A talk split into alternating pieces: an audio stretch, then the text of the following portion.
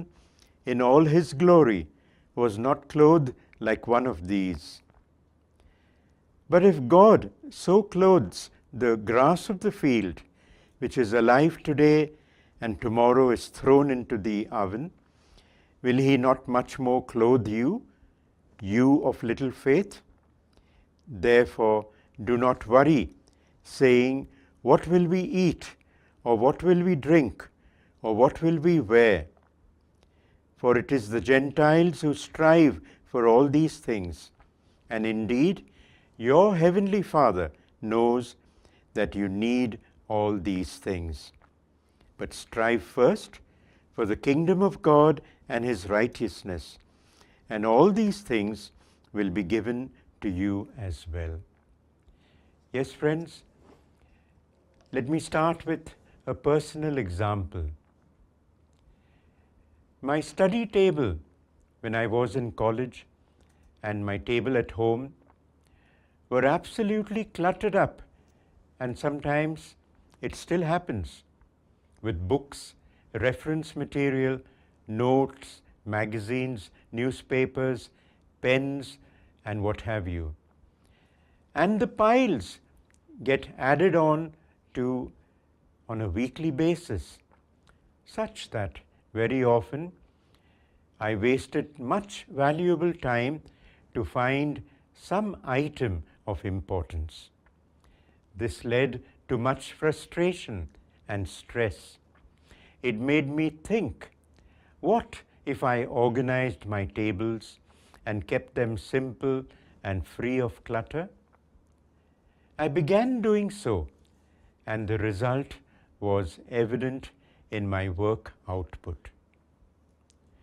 Friends, this led me to pondering on various areas in our Christian lifestyle, both at the personal, interpersonal and societal levels, where we need to keep things simple.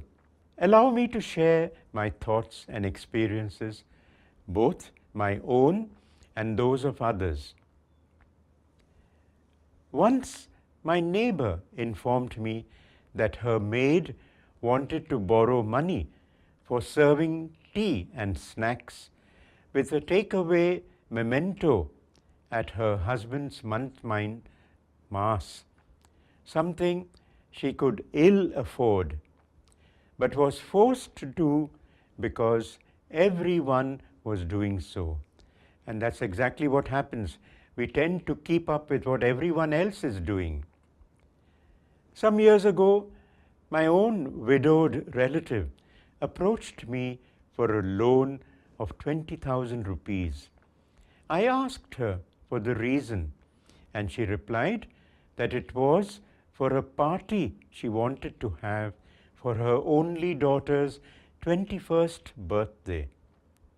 I guess. she must have asked others too, as evidence from the fact that she threw a lavish dinner party with a live band, and all of which must have cost her a bomb, which she certainly could not have afforded.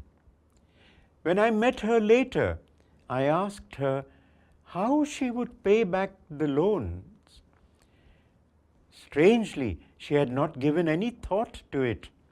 And upon probing, she said she would pay back 100 rupees each month from her earnings to each person she had borrowed from. What a pathetic state of affairs. And mind you, she was already looking extremely harassed and stressed out about how she would pay back the loans.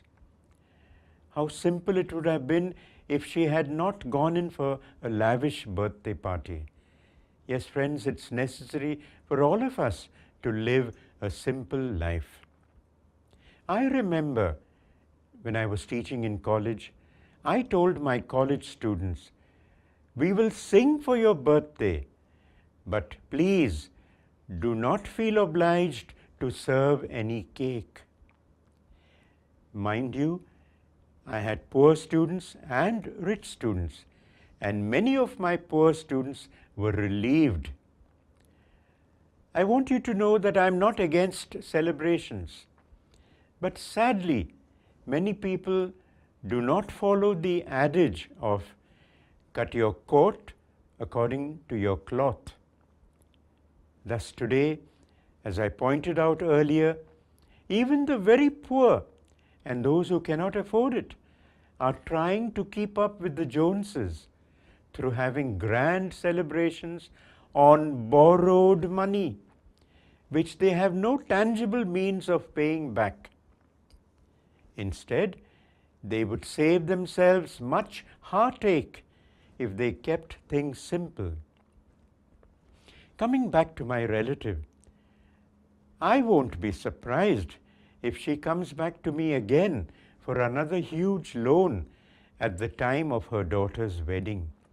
After all, if this girl got her way in having her 21st birthday celebrated lavishly, why would she not demand an even bigger and grander wedding celebration?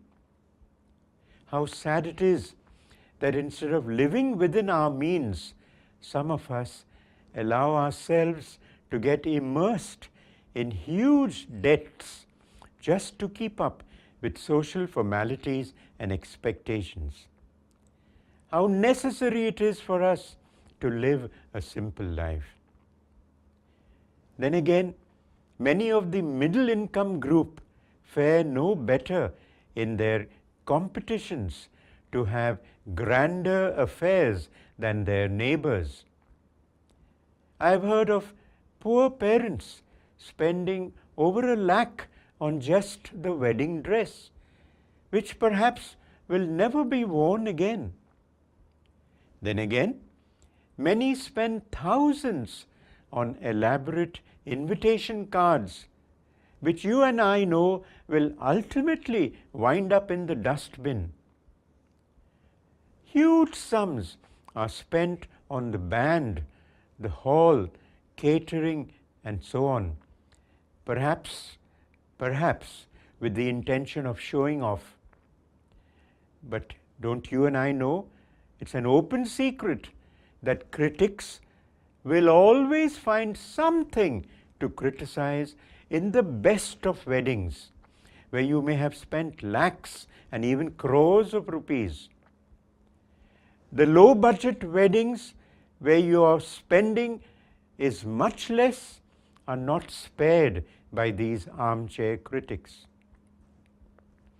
A popular song during my childhood days exhorted us to count our blessings, implying that we should be grateful to God for whatever little we have, because everything, I repeat, everything is a gift from God's hands.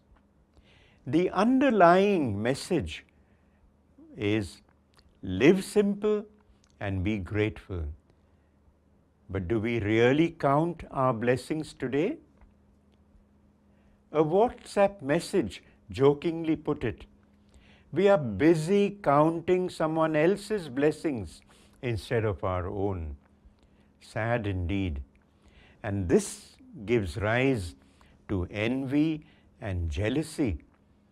which brings on the strain and stress of not only keeping up with the Joneses, but also of being one up on them. I once heard a preacher giving a sermon on the Beatitudes. His introductory remarks have remained with me to this day because he spoke of the Beatitudes as B attitudes, namely life attitudes to live by. Commenting on the first beatitude, blessed are the poor in spirit, from Matthew chapter 5 verse 3, he paraphrased it saying, blessed are those who live simple lives. This made greater sense to me than the phrase poor in spirit. And it has stayed with me all these years. Today, as I look around at our Catholic community, I find many of us, and I include myself, living lives that are far from simple, and it brings on stress, worries, tensions. leaving aside the sacrament of marriage, where we normally do spend a lot of money, if we look at the three sacraments of baptism, First Holy Communion, and Confirmation, the first priority of parents seems to be the party which is to follow, something which was rare about 20 to 30 years ago.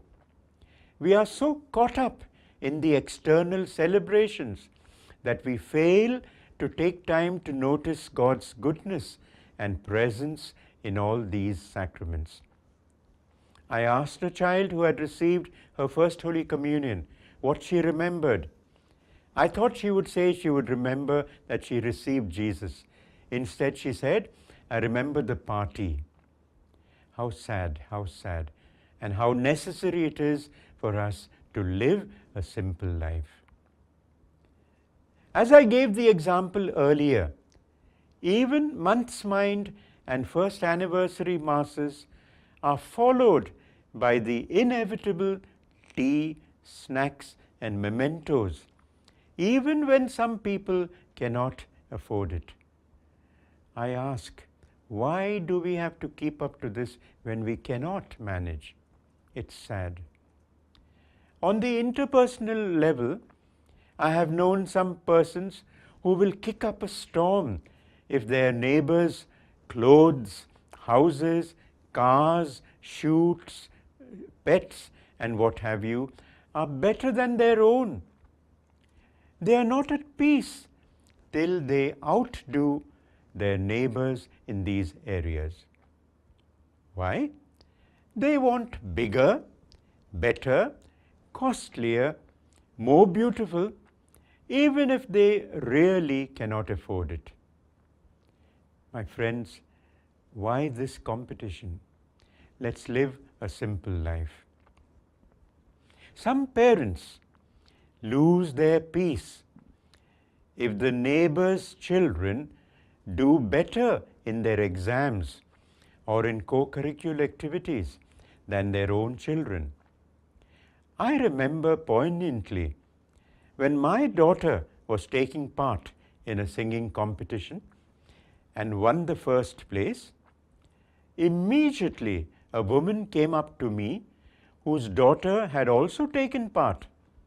And instead of congratulating us, she had a grouse that my daughter should not have participated. Why?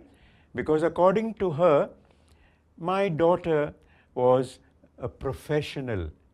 I was surprised and shocked at her logic. During my school days, when sending children for tuitions was rare, a neighbor would get hysterical over her daughter's low marks and would deprive her of much needed sleep and even food when she performed badly. even Sunday Mass was neglected in favor of tuitions in Hindi and French. I guess the reason was she wanted to boast about her daughter's prowess, which by then was non existent. What was the result? Neither was she at peace, nor her husband, nor her other children. and that poor tormented daughter almost went in for a nervous breakdown. How simple it would have been for all if they had practiced living a simple, stress free life, avoiding competition and comparing themselves with others. It is rightly said that the saints were the happiest people on earth. Why? because they lived the simple life, renouncing all self seeking. Mind you, I am certainly not saying that we should not aim to have a better and more comfortable life. I am only saying that in the process, we should not miss out on our peace of mind and our serenity of heart. Many of us have grandiose plans and go through much stress and strain to fulfill them. But we forget that all we have is this day. Tomorrow is not guaranteed. Remember that parable of the rich landowner who aimed at building larger barns? Please read Luke 12, verses 16 and following. and find out what Jesus had to say. So, friends, let us aim to live simpler lives by letting go of the small or minor friction points that make us lose our cool, especially when things don't happen the way we want them. As an American friend said to me on WhatsApp, don't sweat the small stuff. how appropriate. It's more important to engage in simple living and high thinking. It is said that simplicity of life leads to holiness, especially when lived in conjunction with frequenting the sacraments and daily prayer with reading of the scriptures. It is certainly true that we preach the gospel as laypersons. persons and evangelize in the way we live our lives. A dramatic way in which we Christians give a negative witness to non-Christians concerns the whole property issue, which many families in Goa are plagued with. After the parents' deaths, the living children and other relatives fight for a piece of the property pie. I have known even well-to-do persons who already have large mansions going to court to settle issues for that piece of the property pie. And many such persons are so stressed out that they become prey to heart attacks, diabetes, and a whole host of other illnesses. Very sad indeed. I myself could have been one of these stressed out persons, but I chose to give up my rights and to live a simple, carefree life. Others, sadly, let their ancestral houses go to rack and ruin because they philosophize that if they spent to maintain the house, in the end, all the other relatives from near and far who have not spent a pie will come for their share. So they end up with the Konkani expletive, zokmar.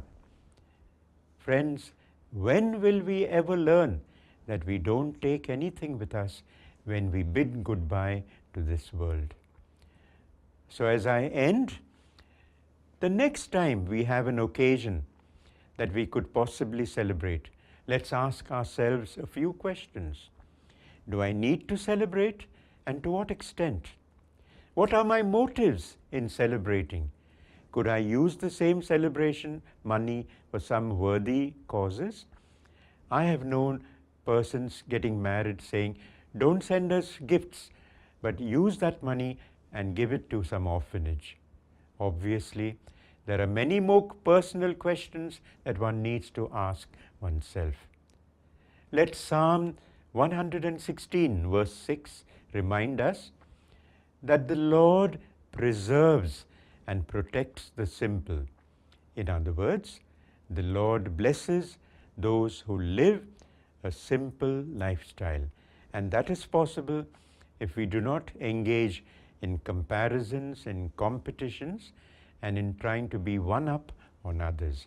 Let's live a simple, carefree, stress free, worry free life.